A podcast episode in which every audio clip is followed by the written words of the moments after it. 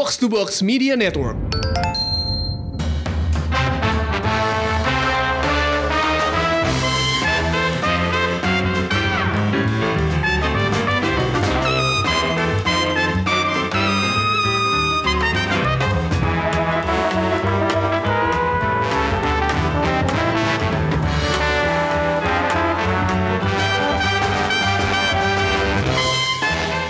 Selamat datang di Showbox Podcast. Ada gue Lisa. Gua enggak. Dan kita hari ini bakal ngobrol soal kritik film dengan seorang kritikus senior, Senior. dari majalah Tempo, Mbak Lela Hudori. Mbak Selamat datang Mbak Lela di. Showbox. Selamat datang, Mbak. Halo. Halo, halo Mbak. Thank you banget sudah menyempatkan waktu untuk datang eh, karena Hmm. eh, gini nih kita ngundang Mbak Lela ini. Biasanya kan kalau in frame kita ngundangnya filmmaker, nih enggak ya, Penulis lah. aktor, Aktor. sutradara Hmm. gitu kan. Terakhir Angga ngobrol dengan Mas BW Sutra, eh, BW Purbanegara untuk film terbarunya Doremi ya, Doremi, Doremi and and You. You. Hmm. Doremi and You. Nah, kali ini kita mengundang eh, kritikus film kenapa? Karena sebenarnya memang Showbox ini selain pengen ngobrol-ngobrol dengan eh, pembuat film tapi Hmm. juga dengan orang-orang di ekosistem filmnya. Jadi eh, pas ketemu Mbak Lela terus ngobrol Mbak, ayolah ngobrol di Showbox ngobrol soal kritik film gitu. Karena Hmm. memang eh, ini kan topik yang lumayan jarang dibahas nih Mbak oleh eh, oleh orang banyak gitu ya kan. Kayak kalau kritik film tuh apa sih gunanya buat industri film gitu. Hmm. Terus gimana sih kita kalau mau harus nonton film secara kritis. Hmm. Nah, ini kita akan eh, ngulik dari Mbak Lela nih gitu. Gimana Mbak? Oke, jadi itu ya pertanyaan pertamanya. Iya, heeh. mungkin mungkin kita langsung ngobrol aja kali ya enggak ya? Boleh, Langsung ngobrol ngobrol aja. em, Mbak kalau boleh tahu nih Mbak Lela. Jadi gini, dulu gue inget banget nih enggak, gue mau cerita sebentar. Hah? Eh, tulisan tentang film yang membuat gue kayak pengen mengkritisi itu adalah tulisan Mbak Lela. Waktu itu judulnya sebuah dunia bernama Joko Anwar. Wah itu itu review review tahun berapa tuh Mbak Lela? Waktu awal itu kalah atau apa ya lupa. Kayaknya kalah kan? ya? Bukan Joni. Oh, bukan, bukan, Oh, bukan janji Joni. Eh, di majalah Tempo waktu itu terus kayak wah ini seru banget nih gini-gini terus jadi sering eh, merhatiin itu terus jadi wah enak nih kayaknya untuk men- untuk melihat film secara lebih dalam gitu. Nggak cuman nonton terus terhibur makan popcorn terus pulang kayak gitu. Eh, gitu nggak. Jadi gue terhormat banget nih bisa ada Ya nggak jauh beda kali sama gue.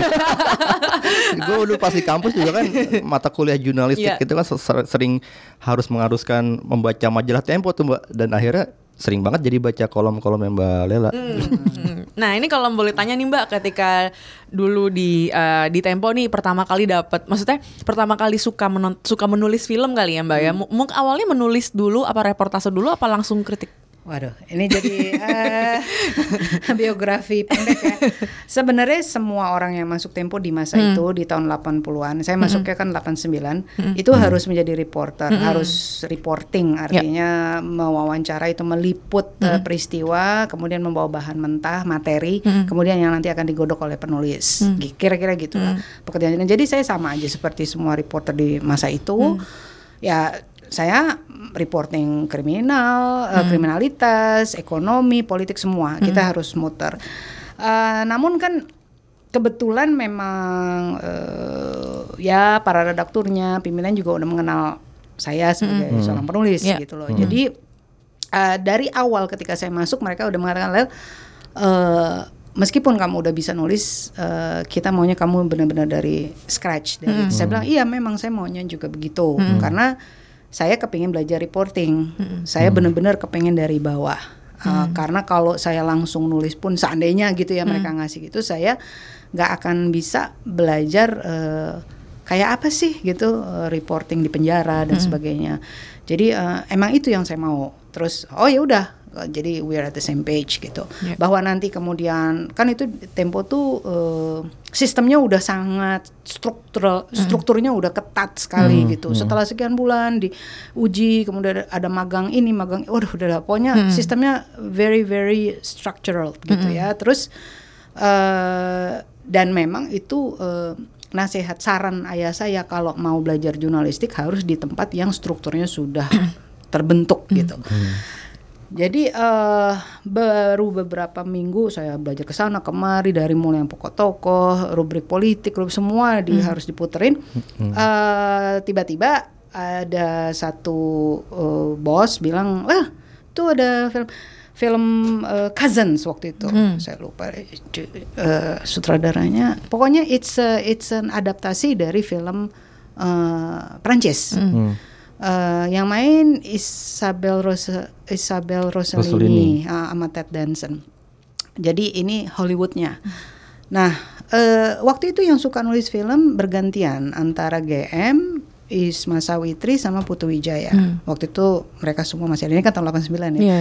Nah, waktu itu kebetulan Mas Putu lagi sibuk apalah, pentas whatever lah. Dia udah mulai masuk ke film juga tuh waktu itu. Terus Mbak Isma juga udah lebih sibuk dengan beliau eh, redaktur pelaksana ekonomi dan GM of course. Dia pemret, he's very very busy. Jadi eh, saya disuruh sama eh, Fikri Jufri. Waktu itu dia wapemret. Lah, coba lu aja deh gitu. Lu lu coba. Ini waktu itu Mbak Lila umur berapa Mbak? ya 20 berapa lupa. Pokoknya baru lulus dari Kanada terus pulang kan. I don't even wanna remember. Pokoknya 20 something lah ya. Iya iya iya. anyway uh, uh, the thing is saya harus mengakui disclaimer saya memang waktu di Kanada itu meskipun major saya political science di sana tuh kan sistemnya you have to take elective courses. Jadi courses pilihan. Courses pilihan tuh kalau di sana boleh apa aja. So karena saya baca political science tapi sementara saya orang yang senang baca dan nonton saya sengaja mengambil eh, mata kuliah yang eh, bisa memaksa saya nonton dan bisa memaksa saya baca. Ya kalau misalnya Sekalian. Eh, eh, nah jadi saya ngambil mata kuliah elektif kritik eh, kritik film dan Oh, saya juga gitu. mengambil mata kuliah sastra. Saya waktu sastranya saya ambil Shakespeare so I will have I, I'm forced to read to read uh, something yang outside of politics gitu loh. Kan baca politik kan, ya kan? So and it's funny karena sebenarnya kuliah elektif saya itu malah yang enjoy yang yang, yang enjoyable gitu. Oke. Nah, waktu ngambil kritik eh, eh, kritik eh, film itu, kita harus nonton berbagai film. Eh, nggak- menontonnya malam ya. Eh, ada kita punya bioskop di kampus, jadi kita nonton dan biasa tentu film-film eh, ini dulu ya, film-film klasik dulu, neorealism semua ya, Itali, Prancis semua kita tonton, and then kita belajar how to read, eh, how to watch a movie gitu. Iya. Nah, waktu saya diminta itu saya bingung, eh, aduh, saya eh, ini untuk tempo, bukan untuk dosen saya kan. Jadi yang saya tanya pertama sama Mas Putu, kan Mas Putu lagi sibuk gitu, saya bilang, Mas, aku disuruh nih nulis eh, review eh, Cousins gitu ya. It's it's a popular movie gitu, Iya. it's a pop gitu, nggak yang serius banget. Gimana? Terus ya Lela jangan eh, menggunakan teori-teori. Oke. Itu yang pertama karena ini nulis untuk tempo, untuk pembaca umum gitu Iya. ya. Enak dibaca dan perlu. Ah, ah, jadi Sampai itu sekarang. dan, dan dan sampai dan saya kira itu sebenarnya juga sama untuk Kompas untuk Ya. semua media-media umum jangan ilmiah gitu loh. Jadi itu yang eh, pertama disebut oleh Mas Putu. Lela jangan menggunakan semua teori-teori film misalnya oh, medium close up kemudian apa gitu jangan Iya, deh, iya. gitu. You are not talking and writing for uh, apa namanya orang-orang yang film studies gitu. Itu satu. Kedua, nasihat dia, kamu seperti ngobrol sama teman aja. Seperti ngobrol sama teman, why you think this movie is good or why you think that this part is Yep. is not interesting enough. Anggap aja itu seperti sama teman, cuman bedanya dalam bahasa tulis tentu Yeah. saja. Tapi you need to show your passion. Gitu. Itu nasihat Mas Putu udah gitu terus uh, aku masih masih waktu itu masih takut ya tapi terus akhirnya aku tanya sama GM karena GM baru aja ngeluarin tulisan yang luar biasa uh, dia meresensi film Blue Velvet Oh, bagus waduh. banget bagus banget itu Blue Velvet dan, dan sampai sekarang masih ada di otak saya tuh dan saya kalau lagi ngasih kelas ke Yeah. anak-anak di Tempo waktu itu uh, kelas review film pasti saya pakai contoh itu tulisannya GM yang berjudul dimulai dari sebuah telinga gila itu kan filmnya aja gila kan nemuin Iya. sepotong telinga di, di, di itu kan di tanah gitu. So takut dong gue gila habis GM terus gue gitu kan. Jadi saya nanya ini gimana ya? Dia bilang don't worry ini kan film pop ya kelihatannya. Dia kita belum sama-sama belum nonton. Jadi uh, you need to be uh, uh, apa kita harus take it easy aja gitu loh. Ini kan bukan Shakespeare gitu kan. Oh ya udah ya pokoknya Lela relax aja. Itu yang pertama dia nasihatin yang sampai sekarang saya uh, benar-benar uh, masukin ke hati saya bahwa kita harus relax. Waktu nonton kita jangan jangan belum apa apa udah uh, intimidated gitu. Ya udah, saya I watch it, it's good, it's touching, it's it's a popular movie, it's Hollywood ya udah. Jadi saya juga nulisnya saya betul-betul ikutin uh, nasihat saran Putri Jaya dan GM bahwa it's like talking to a friend sehingga kita melibatkan apa pembaca gitu loh. Um, apa namanya itu pertamanya pertamanya saya mulai nulis ah udah minggu-minggu depannya ya mereka ketagihan ah nulis ya padahal sebenarnya saya kan masih reporting ya jadi tapi mereka ini jadi seperti apa ya istilahnya seperti kerjaan tambahan gitu. karena ya, ah, ah, kan- jago jadi. ah, jadi sebetulnya saya tuh kan masih reporting jadi eh, eh, yang dinilai itu reportingnya saya harus wawancara orang gitu loh. Nah ini yang namanya review filmnya nggak nggak dihitung jadi benar-benar benar-benar apa ya eh, tambahan gitu loh Tapi pada saat itu yang menulis di resensi di, di majalah Tempo memang udah senior atau Biasanya iya. Biasanya, Biasanya, iya. ya itu tadi yang saya bilang kalau nggak GM, GM, Mas Putu Mas gitu ya. Putu atau Mbak Isma, semua yang sudah senior. Mbak Isma itu red pel ekonomi, Mas Putu ya, come on dia pen- Ah. Iya, salah iya. satu pendiri Tempo dan GM. Jadi waktu itu udah pada senior atau eh, sebelumnya lagi eh, almarhum Syubasa ya waktu Oh. jadi gitu loh yang yang yang yang sudah senior senior gitu. Jadi bahwa saya diminta nulis gitu agak agak eh, tidak biasa gitu loh. Tapi ya saya senang saya merasa apa honored ya. Cuman at the same time uh, ngeri aja gitu bahwa ini sebelum sebelum saya kan orang-orang seperti ini gitu ya. Tiba-tiba gue gitu loh. Jadi uh, ya udah. Tapi ya lama kelamaan uh, ternyata oke dan uh, para bos-bos eh terusin aja gitu jadi uh, dibalik saya nonton film ya saya mengusulkan ini ada film dan saya lama kelamaan udah tahu uh, apa kelayakan tempo. Jadi tidak semu saya udah mulai paham bahwa di tempo ada yang dianggap layak tempo, ada yang tidak. Itu saya mulai belajar gitu. Hmm. Kalau eh ini kan resensi di majalah Tempo udah pastilah dibaca oleh para filmmaker juga dan udah pasti menjadi eh, kayak semacam acuan dia untuk oh film gua oke film gua enggak gitu. Atau untuk menambah informasi dan opini yang baik juga buat dia juga gitu. Jadi mungkin pisau analisis pisau apa sih yang dipakai untuk Mbak selama Mbak menulis review resensi film di di majalah Tempo? Karena itu tadi kan nggak mungkin cuman karena eh, yang penting tulisannya bisa menjamah semua orang banyak pemba- pembaca majalah Tempo. Pasti kan punya pisau-pisau juga nih Mbak yang pakai secara khusus gitu untuk membedah film. Pertama mungkin yang saya ajukan eh, kriteria dulu. Kriteria. Ya, di di Tempo tuh ada yang disebut layak tempo. Ya, itu eh, berlaku untuk semua, bukan hanya film. Jadi eh, rubrik tari, rubrik teater, Oh, gitu. rubrik Ah. musik. Kan nggak semua Iya, iya. pertunjukan kita tulis harus bagus nggak, layak nggak. Kenapa layak? Kan selalu gitu. Makanya kan ada yang namanya rapat redaksi. Iya, hmm. Sama lah di semua media kan begitu. nah, jadi tidak boleh tergantung dan di Tempo kan ada yang saya sa- saya rasa ini sama seperti di media lain juga. Ada yang namanya rapat redaksi itu di mana nggak boleh tergantung sama satu orang aja. Jadi eh, kita duduk terus eh, saya mengajukan oh kita mau nulis eh, film berbagi suami. Hmm. Terus eh, teaternya apa, ininya apa? Kan waktu itu saya kesenian ya, misalnya gitu. Itu pasti akan ditanya, kenapa? Kenapa bagus? Apa bagusnya? Nah, nah, pokoknya pasti akan dicerewetin. Hmm. Dan itu you need to do that.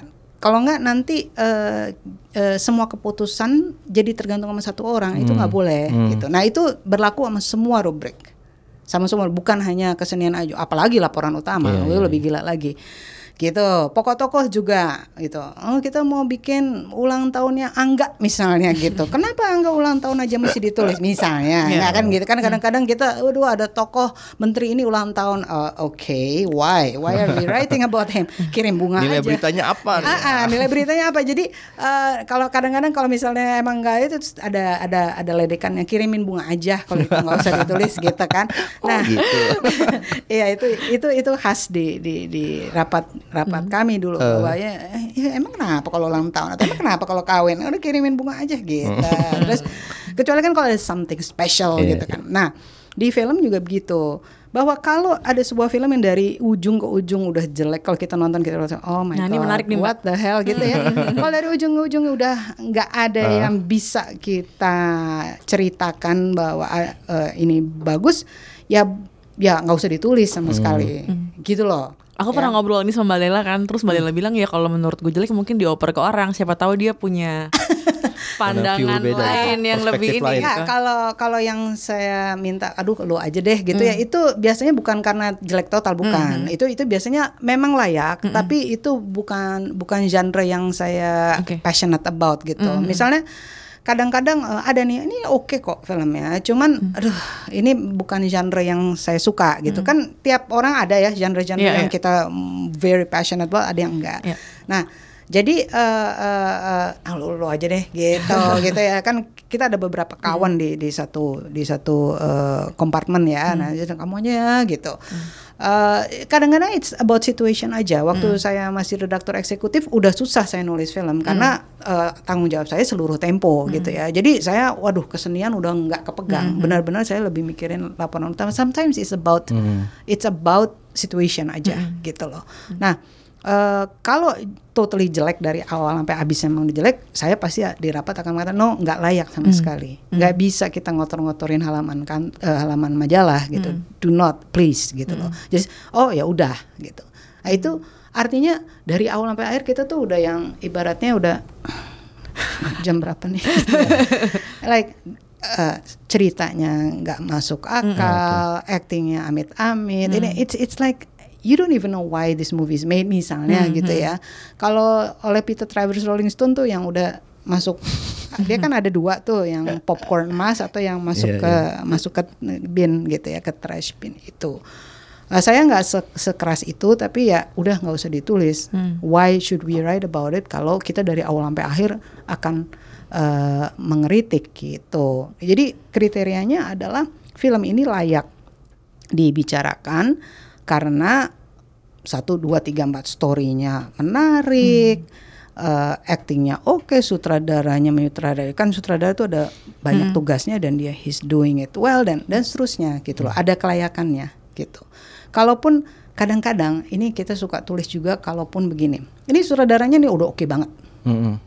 kayak dulu nih saya waktu masih belajar ya ada salah satu pertunjukan teater yang sutradaranya besar tapi eh, pertunjukannya nggak nggak nggak emas gitu. Maksudnya aduh ada bagian-bagian yang boring. Tapi tetap harus ditulis. Kenapa? Karena ini karya dia nanti kita kritik. Oke. paham ya? Jadi kayak misal kalau di film oh my god ini Martin Scorsese nih misalnya. Oke. we have to write about his work. Tapi kok nggak seperti yang sebelumnya ya? Kok nggak sebelumnya. seperti nggak se- seperti Godfellas misalnya atau apa gitu? Kita tetap harus tulis nanti kita kritik. Jadi kadang-kadang kita memang melihat sutradaranya. Karena dia memang udah nama besar tapi kenapa karyanya yang sekarang tidak eh, optimal gitu. Jadi ada kriterianya gitu. Kalau konteks misalnya gini, eh, saya pernah di eh, apa ya? Saya pernah bicara dengan Mas JB Kristanto eh, waktu itu dan baca tulisannya juga sih. Kata dia dibilang ini kalau saya salah satu tolak ukur untuk menilai film adalah eh, konteks film itu bicara tentang masyarakat kita atau enggak, masyarakat kita atau enggak gitu. Kalau Mbak Mbak Lela tuh punya punya kayak prinsip-prinsip personal gak yang harus dipakai ketika mengulas sebuah film gitu. Seperti yang Mas JB tadi gitu. Eh, saya nggak boleh extremely personal karena saya bekerja di Hmm. kantor. Kalau misalnya saya suatu hari, kalau saya bikin yang personal ya saya bikin di blog sendiri aja. Tada. kalau nggak boleh kita terlalu personal gitu. Otherwise I wouldn't. Kita kan eh, eh, it's an institution. Jadi saya harus menggunakan eh, apa kriteria yang sudah ditetapkan Tempo gitu. Meskipun meskipun ya setelah 28 tahun di situ tentu mereka mempercayakan penilaian saya gitu ya. Kalau saya bilang, "Eh, ini ada film eh I don't know, eh, oke Parasite yang baru ini, Ah, yang yang yang- nonton. Ah, saya juga belum. Oh, belum nonton. Saya juga Baru belum. Jumat ntar screening. Ah, ah. Belum ada press screening ya? Oke, belum ada press screening. misalnya nih, Iya. ini misalnya nih, saya lagi ngasih contoh. Ini ada satu film baru yang belum gue tonton, tapi bakalan layak banget Iya. karena dia dikan.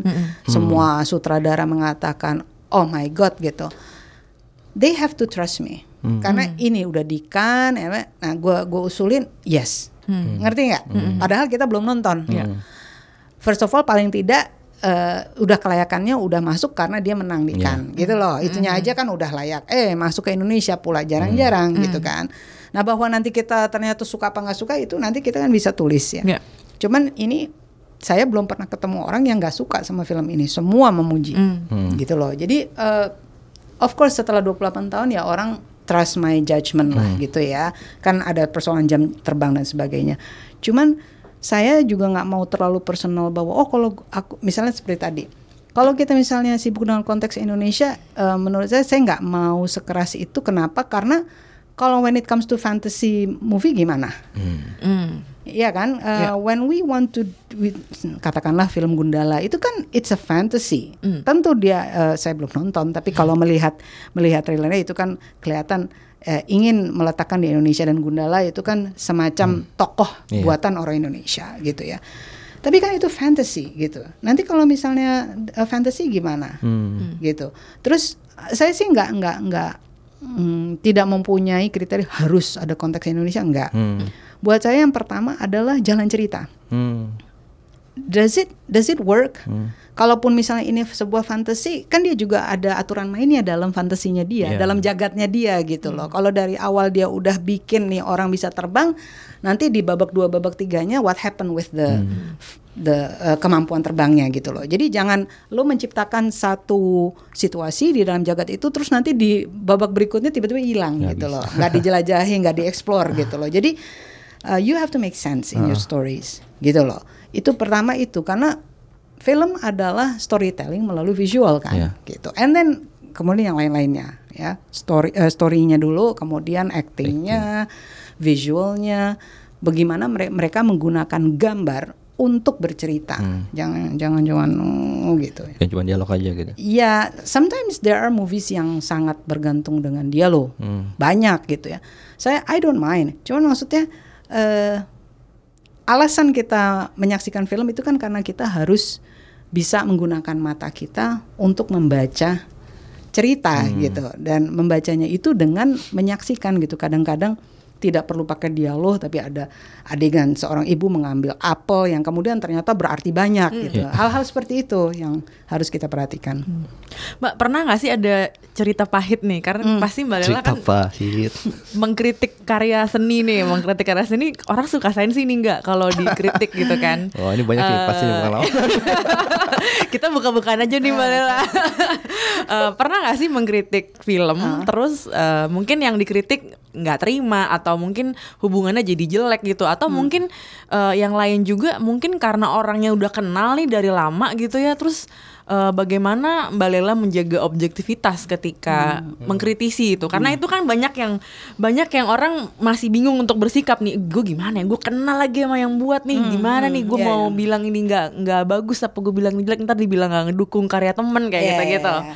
Ah, first of all, eh, kayaknya kalau udah sampai eh, di tingkat ini sekarang ya tahun 2019, kayaknya most film people tahu eh, saya tuh gimana. Kalau kalau sekarang nih ya, kalau mungkin di awal-awal mungkin belum banyak yang tahu, tapi come on, it's been 28 years. I mean, kalau nggak ngerti-ngerti gue juga, I mean, eh, orang tahu kita bisa berkawan, bisa makan, bisa uel-uelan, bisa peluk-pelukan, cipika-cipi, bisa anything. Tapi they know kalau when it comes to film review, I'm independent, mereka tahu gitu. Aku bisa teman dekat dengan siapa pun, mereka tahu. Jadi eh, itu yang saya respect. Menurut saya di dunia film itu eh, sejauh ini yang saya kenal itu lebih dewasa dan lebih eh, apa ya? lebih dewasa dan lebih paham posisi kita eh, Kritik para, ya? eh, para film reviewer eh, mungkin dibandingkan di eh, kesenian yang lain gitu ya. Kalau di kesenian lain kan agak berisik gitu ya. Tapi kalau di film menurut saya they kind of understand. Ya, they they do understand bahwa eh, sebuah karya ketika dikeluarkan itu udah harus siap, bukan hanya siap dengan piala citra aja atau dengan accolades, dengan apa, tapi mereka- glory ya mbak ya Nah, tapi mereka juga harus siap dengan eh, efek-efek yang lain gitu. Ya, jadi kritik atau mungkin akan ada orang yang eh, mencaci maki apalagi sekarang udah ada sosmed ya di Iya. zaman saya Iya. awal dulu pertama menulis eh, review kan belum ada sosmed ya. Ada yang surat pembaca mbak ya? Iya, tapi nggak pernah, Nggak pernah, nggak pernah pernah, nggak pernah, ya pernah sih ada satu dua gitu, ada satu dua yang yang menulis eh, surat pembaca eh, kenapa film Barat mulu gitu ya, Oh, film gitu. Indonesia-nya kan waktu itu emang udah, Iya lagi. Iya, lagi ya, lagi anjlok-anjloknya. jatuh.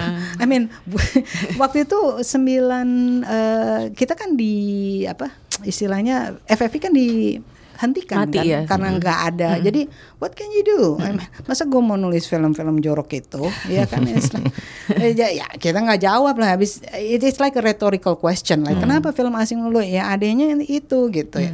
We did nggak nggak dimuat karena it's a rhetorical question. You can't answer that, ya kan? Ada satu dua yang pernah kok kenapa film Barat mulu gitu? Ada yang bertanya gitu. Um, jadi kalau menjawab pertanyaan tadi secara openly fighting gitu nggak pernah sih, nggak pernah ada. Eh, kalau misalnya ada satu dua yang eh eh, eh, ini dikritik loh sama Lela gua ya ya udah gitu saya ah, gimana ya saya saya kan udah bukan bukan film ya tapi saya sudah menulis dari saya Hmm. SD, SD, ya. sehingga eh, orang mengeritik orang eh, memberi komentar-komentar tuh eh, sebenarnya udah cukup biasa saya gitu ya. Jadinya ya eh, kalau misalnya ada yang memberi komentar orang-orang yang saya nggak kenal gitu ya I didn't I didn't respond you know. It's just karena itu hak mereka gitu kalau dari filmmaker sejauh ini kalau misalnya ada yang kecewa pasti saya yakin ada. Tapi tidak pernah eh, mengganggu hubungan kami gitu ya. Saya tahu lah pasti ada satu dua yang merasa eh, nggak enak gitu ya dengan kritik saya gitu. Tapi ya tidak tidak terus membuat hubungannya jadi buruk terus musuhan gitu belum sih Am- sampai jauh ini lah. ya. Pernah mengkritik teman nggak mbak? Mengkritik teman? teman sendiri iya dong Maksudnya filmnya dia atau ya? Iya, iya. Ini actually nih ya, saya paling saya kasih contoh ya. Garin itu kan orang yang menulis eh menulis membuat film dari zaman sebelum Orba sampai sekarang ya. Dia konsisten. Dan dia mungkin satu dari banyak eh, kawan ya di dalam film industri yang tahu betul bahwa kalau saya menulis itu saya nggak pernah mikirin dia teman apa enggak gitu. And saya juga melihat kalau saya mengkritik dia, dia nggak bakalan marah-marah. Mungkin mungkin orang di sekeliling dia yang agak sebel, ah, ah, tapi dianya enggak. Kita ketemu ah, cipika-cipika ketawa-ketawa gitu. Saya eh, pernah mengkritik beberapa karya dia, tapi kalau sekalinya bagus saya puji juga. Kemarin kan film dia yang Kucumbu, Kucumbu. itu Menang menjadi FFI. pemenang ah, ah, festival filmnya begitu saya nonton gila ini gitu kan. Tapi kalau misalnya nggak bagus ya saya akan bilang nggak bagus and he knows that. He knows that dia tahu bahwa saya jujur. Justru menurut saya sih karena itu kan eh, mereka jadi tahu bahwa I'm not gonna I'm not going to say good things karena kita teman gitu loh. Dan mereka tahu itu. Dan ada sih satu dua film di film industri yang pernah mengatakan, "Oh, saya um, review nih ya f- apa filmnya dia." Kemudian eh, saya kritik, saya kritik. Saya kritik tapi terus eh, orang-orang yang di dalamnya ya sutradaranya, penulis skenario nya semua semua pada bilang, "Eh, udah baca belum tuh ininya Mbak Lela gitu kan." terus udah gitu, "Udah, udah Uh, menurut saya sih dia fair gitu. Padahal saya ngeritik loh, saya ngeritik. menurut saya dan sutradaranya sendiri bilang uh, menurut saya dia fair kok gitu. Karena saya mengkritik uh, cukup banyak saya kritik, tapi saya mengatakan aktingnya si A dan si B pemain utamanya bagus, saya bilang gitu. Cuma uh, ini nggak believable, bagian itu nggak believable, bagian ini nggak begini, bagian ini kenapa uh, too much segala. Jadi uh, uh, ada orang-orang yang yang udah di tahap paham gitu loh posisi aku ada mungkin yang kurang happy gitu ya tapi saya nggak pernah sampai diteror gitu enggak Jangan sampai, waduh. Soalnya saya pernah dengar cerita gini, ini eh, nggak usah sebut nama, cuma saya pernah cerita gara-gara dia men- mengkritik sebuah film, terus filmmakernya yang tadinya sering kirim kue kalau ada acara tertentu, jadi nggak pernah kirim kue lagi. Eh, Ya, tapi itu sebentar doang, habis itu baik lagi. Iya. gitu. Oh gitu. Nah ini enggak? ini gini-ginian suka nggak nggak kepikir sama saya karena di Tempo kan rada-rada hmm, keras soal gitu. Kalau misalnya ada narasumber atau apa yang kirim gitu-gitu terus semua langsung harus Iya. taruh di Disetor ya. meja. Ah, ah, jadi eng- nggak kerasa lagi tuh. Memang ada satu dua yang suka pada ngirim macam-macam, Oh, gitu. kayak, tapi udah selalu ditaruh di meja Iya, buat redaksi. rame-rame. Ah, ah. Hak milik bersama. Iya, dan I don't even remember, I don't even remember anymore siapa yang ngirim karena itu udah oke. ini dari sumber si A. Kadang-kadang kan yang dari politik juga suka banget. Itu udah untuk meja redaksi gitu loh. Hmm. Mbak, yang Hmm. Yang asik juga nih dari Mbak Lela kan Mbak Lela juga menulis skenario Hmm. dan men, dan Ya dis- sekali-sekali. sesekali sih ya, Mbak. pernah Once apa? in a while. eh, Drupadi terus apa terakhir waktu bercerita kan t- iya. pernah kata maaf terakhir juga Iya, nah iya. ketika mbak menulis skenario ada perang batin gak sih wah gue nulis skenario Hmm. Tapi di saat bersamaan mungkin gue harus nulis kritik film juga gitu ada perang-perang batin seperti itu gak Iya, iya. Karena ada nih eh, orang-orang yang tadinya mengkritik, terus begitu dia bikin film, Oh, kayaknya iya. gue nggak bisa kritik lagi deh, Berhenti karena gue sudah jadi Paham, pembuat gitu. Paham. Eh, kayak Joko Anwar kan sebelumnya kan Oh iya, ada Wak di Joko. Jakarta Hmm. Saya rasa kalau memang saya terjun total eh, di film film industri yang menjadi penulis skenario eh, total seperti Raya Makarim misalnya Oh, iya. gitu kan dia memang benar-benar atau seperti Prima Rusdi, saya rasa saya harus melakukan itu. I have to stop writing reviews or saya hanya review film-film asing aja gitu loh. Tapi the thing is saya biasanya kalau menulis skenario itu out of necessity gitu loh. Jadi oh ini mau pertunjukan eh, eh ini mau launching buku. Iya, kayak laut bercerita ya. Laut iya. bercerita. Terus ya Wisnu eh kita bikin film pendek. ya ya udah dan ini kan ini kan yang ngerti nggak sih eh, produk bersama Iya, iya, gitu iya. loh yang eh, semuanya pro bono gitu loh. Jadi yang oke Ya, jadi terus siapa yang nulis kalau bukan? Mbak Lela? iya kan enggak ini semuanya Iya, iya, pro iya. bono, Bo. Enggak iya, ada yang iya. dibayar. Jadi jadi enggak ada tuh yang oh eh, buku lo gue beli Hmm. adaptasinya. Enggak, ini kan produk bersama. Jadi.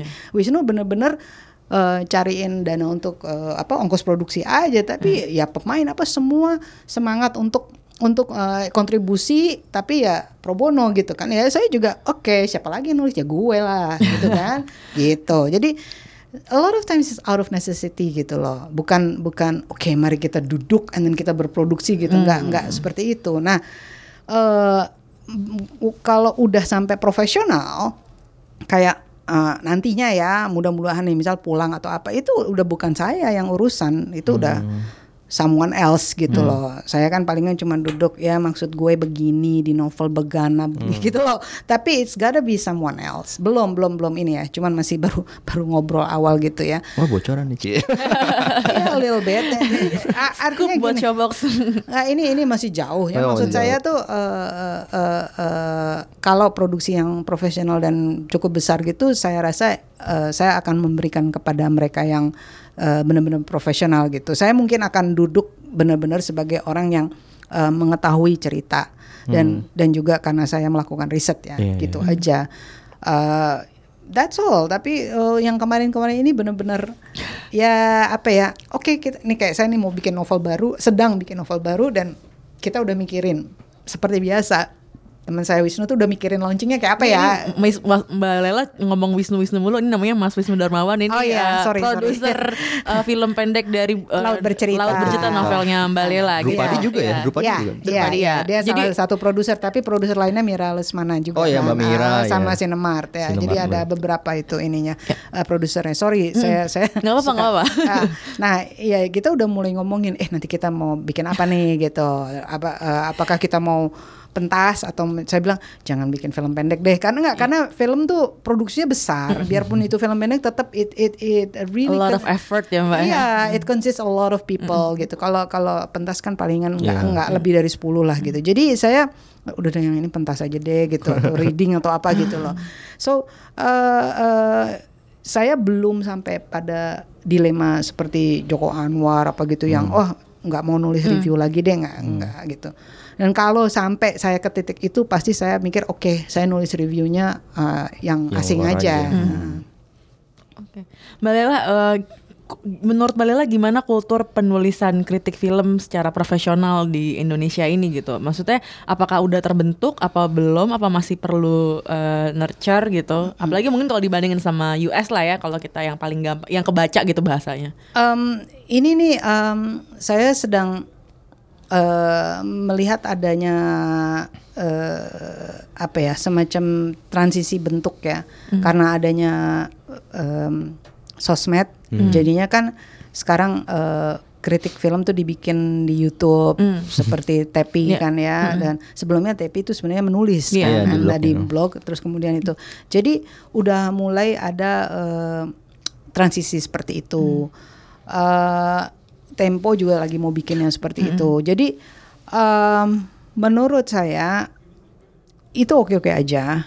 Cuma menurut saya tuh film eh film eh, menulis itu tetap harus diteruskan gitu. Biarpun nantinya ada yang eh, video video eh, kritik gitu ya, kritik melalui video ya. Kenapa? Karena men- orang yang bagus dalam menulis belum tentu orang yang eh, fasih dalam berbicara. Itu satu. Kedua, eh, ketika kita mengkritik dengan keras tetapi tetap elegan di dalam tulisan itu beda ketika kita melakukannya dengan lisan. Beda loh. Jadi eh, Tepi itu saya senang waktu dia menulis. Bagus banget gitu. Me- eh, tentu dia pakai bahasa anak muda ya. dengan gift apa dengan semua kasih dahan Ya, Gift-giftnya itu. it was really funny. nggak ngerti tuh tab gimana Iya. lo ngumpulin it was very hilarious ya. It was very hilarious. I I I enjoyed it. Tapi ketika sudah menjadi YouTube jadi beda dan saya rasa eh, saya paham kenapa kenapa dia jadi eh, satu paket yang berbeda itu saya paham banget karena culture eh, to speak orally itu beda atau verbally itu beda sekali dengan menulis gitu loh.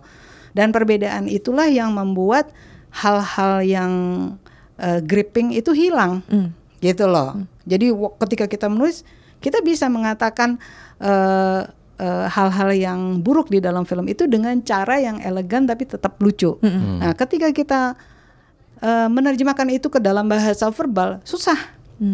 Gitu loh. Eh, karena kita kan bukan komedian atau saya bukan komedian ya. Jadi eh, saya pikir eh, ini ini dua apa ya? Dua keahlian, dua skill yang berbeda gitu. Nah, ini kritik film tuh sekarang lagi dalam transisi itu gitu. Orang pada oh gue lihat di YouTube kritiknya si A si B si C gue aduh gitu ya. Jadi saya berharap yang menulis harus tetap ada. eh saya dengar kemarin ini udah diadakan eh, apa namanya eh, workshop untuk anak-anak muda menulis film. Saya harap itu berlangsung dan melahirkan penulis-penulis eh, eh, resensi yang eh, bagus. Karena bukan sekedar cuman workshop aja, tapi first of all you need someone who's passionate about film. Hmm. Ngerti nggak? that is true itu itu persyaratan pertama. Tadi kan eh, kita ngomongin Iya. apa sih persyaratannya? Menurut aku pertama harus passionate sama film. Kalau misalnya nggak passionate, eh, nanti kayaknya nulisnya hanya karena kerja, gitu loh. Hanya karena ya ini gua deadline, mesti nulis sekian ribu karakter, gitu. Yang ngerti nggak sih yang Iya, iya, kewajiban gitu, yang kayak kewajiban makan tiga kali sehari, eh, gitu. Tapi kalau misalnya, oh my god, I'm gonna have to watch this and I Yeah. wanna write about this, and then you're excited about it, it's different, gitu loh. So harus passionate. Nah, kalau misalnya itu udah jadi kewajiban, berasa banget tulisannya. dry Iya dry dan terus yang kayaknya karena deadline, gue ngerti gak sih? Iya, iya, Beda iya. banget. Apalagi sekarang banyak juga eh, resensi yang bentuknya formatnya adalah thread di Twitter ya. Capek sih kadang-kadang bacanya. Nah, Mbak, kalau kita bicara nyambungin tadi soal kultur penulisan kritik film atau resensi film secara profesional di media cetak lah sekarang. Kalau dulu kan eh, bahkan sekarang nama Mbak- nama Mbak Lela belum tergantikan kayaknya di Tempo kan majalah, majalah Tempo. Dulu di Kompas ada JB Gistanto, di Gatra kalau nggak salah ada Krisna di Yuliawan, Joko Anwar pernah nulis gitu kan, Lisa Bonas, Lisa Bonar Rahman dan siapa Eh, Paul Agusta. Tapi setelah itu kayaknya belum ada lagi nih nama-nama yang bakal prominent di media-media besar tersebut, media-media berpengaruh. Itu kenapa ya Mbak? Nah, ini kita ngomongin regenerasi, Regenerasi, kali ya, Regenerasi ya. ya. Eh, saya nggak bisa bicara untuk Kompas ya. Oh, oke, Eh, oke. Karena atau buat media lain ya karena ya atau media-media yang lain karena memang eh, saya tahu mereka juga mencoba melakukan regenerasi. Persoalannya kan adalah em, seberapa believable-nya eh, tulisan-tulisan yang baru ini gitu loh. Eh, misalnya kenapa orang tetap ah, gue mau baca Lela dulu gitu atau kenapa eh, aku mau baca mm, Peter Travers dulu atau gue mau aja terserah lah siapa ya siapa favoritnya ya. Ah, kalau saya Peter Travers gitu. Peter Travers, Maksudnya, Rolling Stone. What did Peter say? Gitu.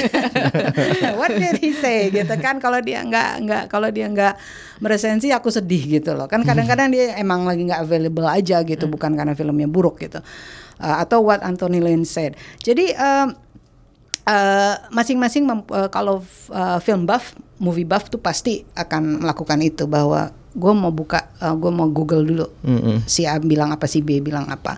Nah kalau udah sampai tahap itu artinya eh pembaca anda tuh udah hook, udah hook sama kita gitu bahwa dia nungguin kita nulis, dia nungguin kita dulu baru. Dan itu saya terus terang jadi agak berhati-hati karena gue nggak mau juga gara-gara gue terus apa namanya ah gue ogah karena lu bilang ini jelek gitu kan ya. Saya bilang no I didn't say it's bad. I only said that this part is bad and that part iya tapi it's bad. Waduh. Meskipun kalau misalnya itu nggak box office bukan tanggung jawab saya Iya. sih tapi kadang-kadang nggak enak juga. Saya cuma ngeritik kecil aja terus orang udah menganggap oke nggak usah nonton deh gitu ya. Jadi eh, we have to remember kan kalau pergi ke, ke cinema itu suatu effort ya, ya kan? Melalui kemacetan, terus antre tiket dan sebagainya gitu itu effort. Jadi eh, saya cukup berhati-hati ketika menulis dan mengeritik tuh saya berhati-hati ya bahwa ini emang bener-bener eh, unbearable nggak nih? Filmnya kalau emang udah unbearable banget ya, then I have to say it gitu ya. Eh, ini yang baru-baru menurut saya ya kita harus kasih waktu belajar gitu ya. Eh, apa namanya seberapa jauh eh, orang udah mulai hook sama dia gitu. Kita harus harus eh, ini aja harus eh, memberi waktu ya.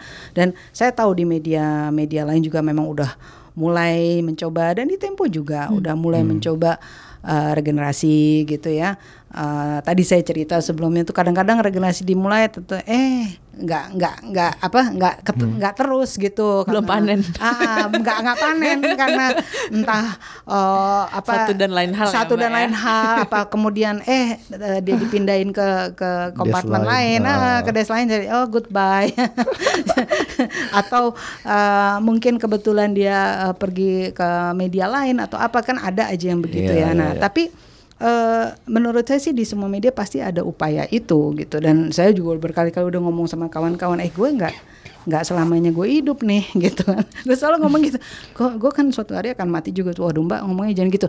Oke deh gue suatu hari akan pensiun saya bilang gitu. So we really need someone yang bukan sebenarnya regenerasinya bukan hanya eh, review ya bukan kemampuan membaca film tapi juga eh, membangun jaringan membangun jaringan. Jadi mengetahui oh si ini lagi bikin film Iya, ini iya.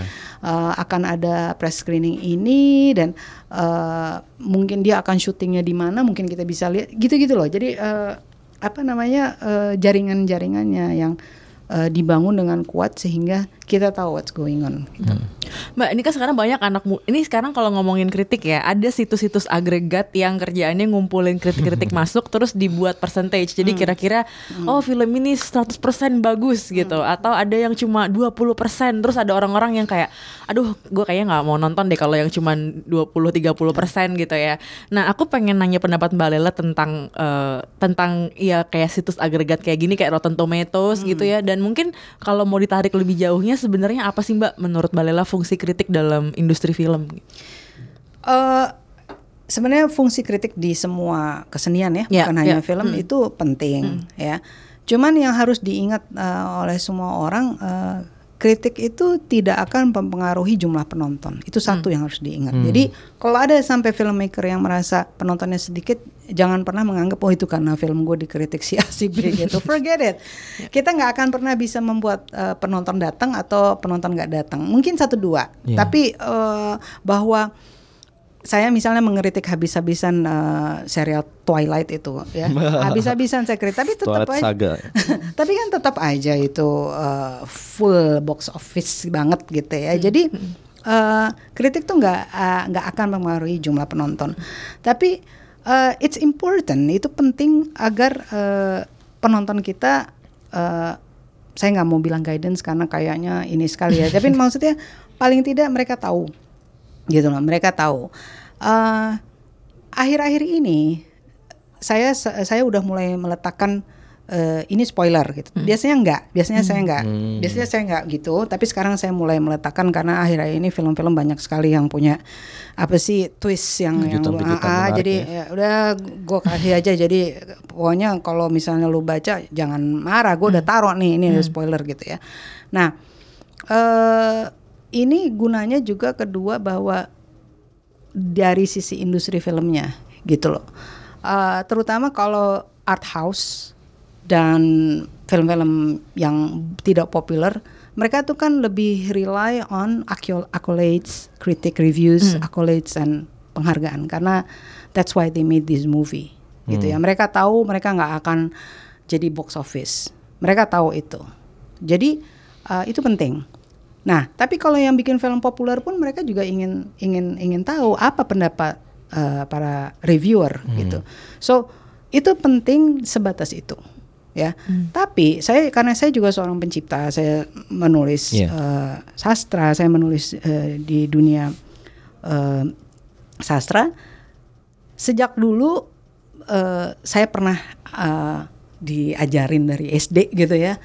Eh, waktu itu yang ngomong ke saya tuh Sutarji Kausumbari. Dia mengatakan kritik itu nol dalam proses penciptaan. Which is, which is true. Kritik itu kan baru lahir setelah ada karya, iya kan? Jadi ketika kita lagi jungkir balik, lagi riset, lagi ya kan istilahnya berkeringat darah gitu, kritik itu belum muncul. Dia baru akan muncul setelah karya itu dipunggahkan ke masyarakat. Ini berlaku untuk novel, untuk film, untuk semua ya. Nah, jadi eh, seorang pencipta tuh nggak harus nggak harus eh, terlalu sensi juga. Kita merasa penting untuk mendengarkan, tapi at the same time kita juga jangan eh, terlalu apa ya, terlalu kulitnya tuh terlalu am, tipis sehingga dikit-dikit tersinggung. sensitif. Ah, ah, jangan terlalu begitu juga. Bahasa gampangnya kita harus dewasa, ya. Oke. Saya saya udah biasa banget dihajar habis-habisan dan, kan- dan kalaupun saya dihajar kadang-kadang bukan tentang karyanya tapi di luar karya itu yang suka aneh. Kalau ada orang yang mengeritik di luar karyanya gitu. Kan kita kan kalau bikin review ya harus karyanya, bukan Karyanya. kok si Lala rambutnya lurus nggak keriting gitu. Bukan. No, of course I was I'm I'm giving a, a- saya saya cuma lagi hyperbolic ya, tapi saya juga pernah Hmm. dikritik di luar karya saya di dalam sebuah rubrik uh, uh, uh, di, di di sebuah media gitu bahwa Hmm. dikritiknya enggak da- enggak tentang karyanya, tapi orangnya. Nah, itu yang aneh. Nah, saya juga pernah mengkritik uh, be- uh, sebuah media ya yang saya bilang kok uh, lu mau memuat em, apa kritik seperti itu sih uh, kritik film karena dia mengkritiknya bukan karyanya tapi, Tapi? Orangnya jadi Oke. para uh, sineasnya dikritik bahwa oh ini sineasnya suka minum kopi di Ada kayak kafe gitu? begini iya harian terbesar di Indonesia kok aku Aduh. iya, iya. Dan aku aku ini aku eh, s- saya nggak ada urusan sama filmnya ya. Iya, Tapi iya, karena saya seorang film reviewer, saya bilang kok aneh sih lo memuat yang seperti itu gitu. Bahwa eh, filmnya oke dia kritik habis-habisan, tapi setelah itu di di di apa alinea berikutnya, ini filmmakernya anak-anak Jakarta yang suka minum kopi di ini ini ini ini udah bikin aja tentang urban deh, lo jangan sok bikin tentang orang desa gitu kan. Hmm. And I said, no, you you can't do that. You you you focus on the uh, work, on the film, not on the people behind it, gitu loh. Ya, jadi uh, apa? Uh, kecuali kalau lagi mau ngomongin mitu segala macam itu lain Nah, iya, perkara, iya. itu lain perkara, itu it's different. Kita oh kita kita lagi ngomongin moral kalau di situ. Iya. Ini kita lagi ngomongin ini ada film, memang uh, settingnya desa gitu. Terus dia menganggap lu karena lu orang kota jangan bikin film tentang orang desa, karena lu orang kota yang suka ngerti nggak? Ngopi-ngopi. Ah, ah, yang suka ngopi-ngopi. dan- Dianggap tidak punya pengalaman atau nggak nggak kompeten lah buat bercerita tentang orang desa. exactly, gitu. exactly. Dan, dan dan saya ketemu orang waktu saya ketemu orangnya saya bilang kalau gitu suatu hari eh, para sineas atau para penulis laki-laki nggak boleh nulis tentang perempuan atau mem- karena mereka belum pernah jadi perempuan. Saya bilang gitu. Wah, hahaha, dia hanya kata. Jadi no, but you, you- ini kan serius. Ini sebuah media yang dijual. nggak bisa lo sembarangan nulis seperti itu. Nah, jadi kadang-kadang ada kritik yang aneh gitu, yang kemudian kok dimuat gitu. Saya saya waktu itu ngeritik eh, ya udah itu itu udah lewat that was uh, awal tahun 2000-an ya eh, terus terang filmnya waktu itu film Pas- pasir berbisik tuh saya ingat banget tuh. Nah eh, Masih berbisik lagi. langsung pada ini yang dengerin langsung pada Google semua mana tuh review pasti berbisik di harian terbesar di Indonesia. Nah, saya, saya agak ya tapi kan eh, orang-orangnya sudah nggak Iya, iya. udah nggak udah nggak di udah udah udah pensiun semua saat itu tapi eh, wa- eh, saya saya menganggap bahwa sebetul dan kita akhirnya diskusi loh saya dengan para redaktur mereka tuh saya bilang eh, kita diskusi. Eh, menurut Lala kenapa bagus? Ya saya bilang menurut saya ini bagus karena begini ABC tentu ada kritik saya tapi you cannot criticize gaya hidup uh, filmmaker yang aneh.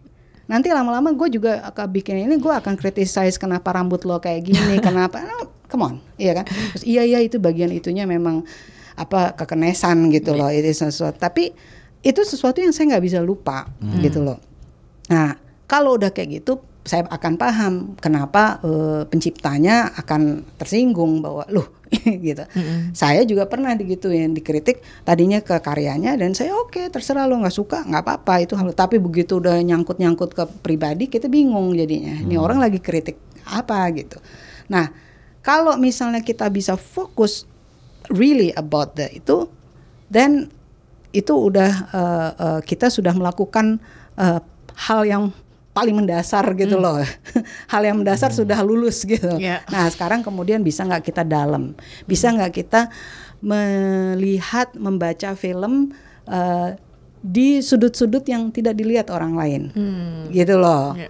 Ya, saya kenapa bilang Peter Travers itu bagus atau Anthony Lin karena mereka tuh kadang-kadang bisa melihat hal-hal yang oh iya ya gue nggak Iya. lihat itu. And Kadang-kadang I guess kita kan- that's why we read critics Iya. juga ya, Mbak. Iya, Karena kita kan- pengen dikasih perspektif Iya, lain iya. gitu. Kadang-kadang eh, kita jadi suka nonton dua kali.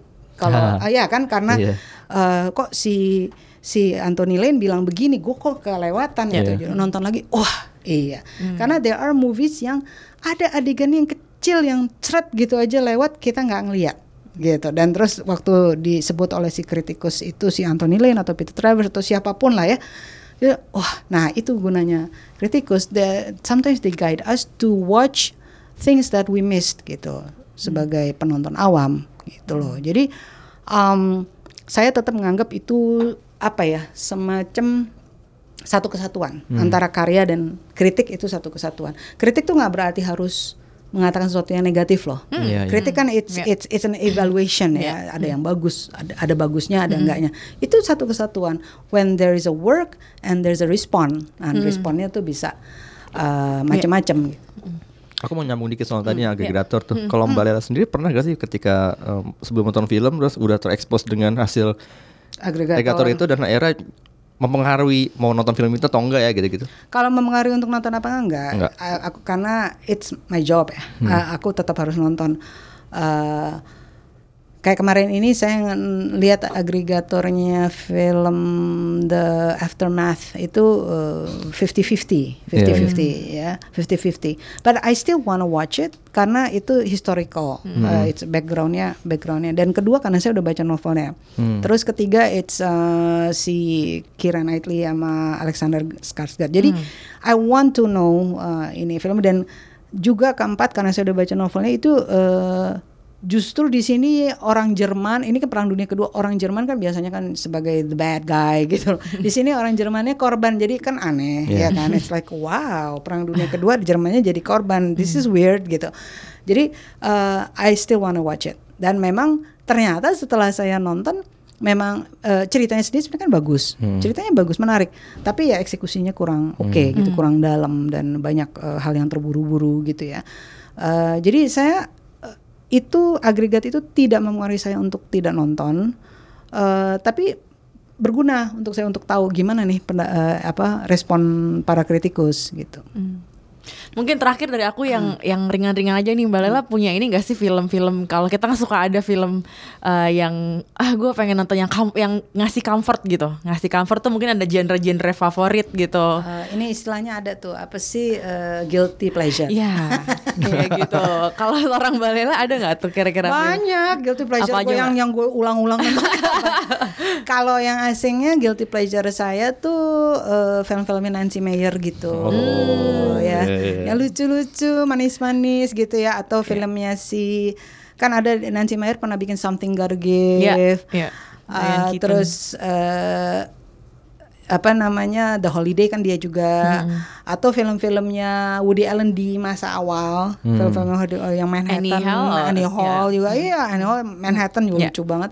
Em, kalau Indonesia tuh yang guilty pleasure ya ADC yang pertama itu guilty pleasure saya. Terus eh, sebenarnya kalau film-film lama itu ada DVD-nya gitu mungkin saya mau nonton lagi seperti eh, kok sang guru bukan sang guru eh, Sang, apa? Sang- yang adik Kurdi jatuh cinta sama muridnya tuh. Adik Kurdi jadi guru terus dia jatuh cinta sama muridnya. Terus muridnya tuh eh, seorang pemain yang cuma main sekali terus udah nggak udah nggak udah nggak main lagi karena dia eh, ya udah cuma sekali mainnya. Apakah itu? eh guru guru guru Bentar. apa ya entar deh aku nyanyi oh it's a really good movie Hah? it's a really good movie yang sutradara Edward Pesta Sirait Oh, yang bikin Cica dua ribu bukan sih? Hah? Eh, Dua ribu dia bukan sih? What? Dua dua ribu. nggak tahu tapi yang. Ed- Edward Pesta Sirait yang bikin film Cica terus yang bikin film ini ini nih si Adi Kurdi jadi guru itu it's a really really good movie Oh. Eh, ya kita jangan lihat teknis ya namanya juga 80-an Eh, apa ya film-film Indonesia yang yang yang guilty pleasure di tahun 80-an 90-an ya itu eh, eh, eh, film-filmnya komedinya si aduh kok jadi lupa aku sutradara ya, yang udah meninggal Masih Cepi, bukan? Buk- Eh, bukan komedi yang eh Yang Mbak Sakup. ya sih Oh, oh itu sih. all his movies itu udah semua guilty pleasure gua gitu Balela punya ini gak sih superhero batik? Kayak udah kebanyakan film superhero Hmm, atau agak agak Hmm. agak tapi I'm looking forward sama Gundala karena Indonesia pertama Hmm. kali ya. Cuman kalau yang barat aku agak Hmm. gitu karena eh, saya tuh dulu tuh sampai lengkap buku-buku eh, saya punya buku in the makingnya eh, tapi komik ya. Hmm. Jadi in the making komiknya Batman. Jadi Batman di masa lalu sampai perkembangannya ya. Hmm. I like eh, Batman ya Batman DC lah pokoknya saya seneng karena eh, lebih gelap. Kalau Marvel kan agak happy gitu ya, agak agak anak-anak gitu. Kalau Batman eh, perkembangannya sebenarnya was really really dark gitu loh. There was one period Batman itu eh, pernah membela eh, perempuan-perempuan yang diperkosa. Misalnya ada sa- saat itu udah perkosaan gitu, ada semacam Jack the Ripper-nya Gotham gitu. Jadi eh saya waktu itu ya gimana ya namanya juga saya kan eh, generasi yang baca komik ya. Jadi selain komiknya era Kosasi saya juga baca komik-komik eh, Amerika gitu. Eh sekarang memang jadi kebanyakan karena it's money gitu kan. Jadi ya agak agak mulai mulai ya tapi I still watch them. I still watch them. I still watch Jadi them. excited nggak bang lihat AirPods jadi Batman? Ah. I don't know. Karena uh, I don't know. I seriously don't know. Waktu Batman-nya si uh, Ben Affleck aja saya sebenarnya udah Iya. udah udah udah mulai turun ininya. Uh, eh Batman kan dia ya? Ah, Iya, udah Batman. udah mulai nggak semangat uh, apalagi sekarang kita lihat aja. But I'm still gonna watch it. I still watch it. And saya tahu banyak orang yang udah wah gue udah nggak mau Yeah. nonton lagi. No I will watch it. Yeah. bahkan seandainya kalau saya tidak menulis pun saya Yeah. pasti akan nonton gitu. Cuman if you ask me apa my my my my ini ya? Eh, ini penting buat saya. My mm, beat my beat gitu ya sebenarnya aku seneng tuh drama Hmm. drama that's my beat gitu loh dan dan that's what I write juga in, Yeah. in my jadi aku seneng drama dan keluarga sebenarnya tapi I don't wanna Sama kayak Angga. Oh, oke. Suka keluarga. I don't I don't wanna watch yang drama keluarga biasa gitu Yeah. maksudnya eh, bapaknya 9 sampai 5 terus oh re gitu kan makan bersama. Enggak begi- there has to be uh, something different from this family yang membuat dia jadi different from the families that we know gitu yang normal family. There's gotta be some abnormalities in the family gitu ya. Tapi beat saya tuh sebenarnya family drama gitu loh. Jadi biasanya kalau udah cerita-cerita ada keluarga aku seneng gitu. Tapi jarang ada yang greng jarang ada yang membuat saya wow gitu gitu. Jadi eh, itu sebenarnya beat saya. Tapi ya kalau misal mau dikasih laga juga ya nggak apa-apa. I I love uh, action movies gitu ya. Uh, tapi my beat itu sebenarnya drama keluarga. Oke Mbak Lela, thank you banget nih Thank you, udah Lela. sejam beneran ya kita ngobrol-ngobrol sama Mbak Lela soal kritik film. Jadi maksudnya ya semoga orang-orang yang mendengar ini juga makin tergerak untuk uh, menonton film secara kritis ya gitu. Jadi nggak cuman asal-asal nonton doang ya enggak ya. handphonenya matiin Nah, jangan main handphone di bioskop, guys. Silau men. Thank you banget Mbak Lela. Thank you banget semua yang udah dengerin sampai sejam. Uh, bye-bye. Bye.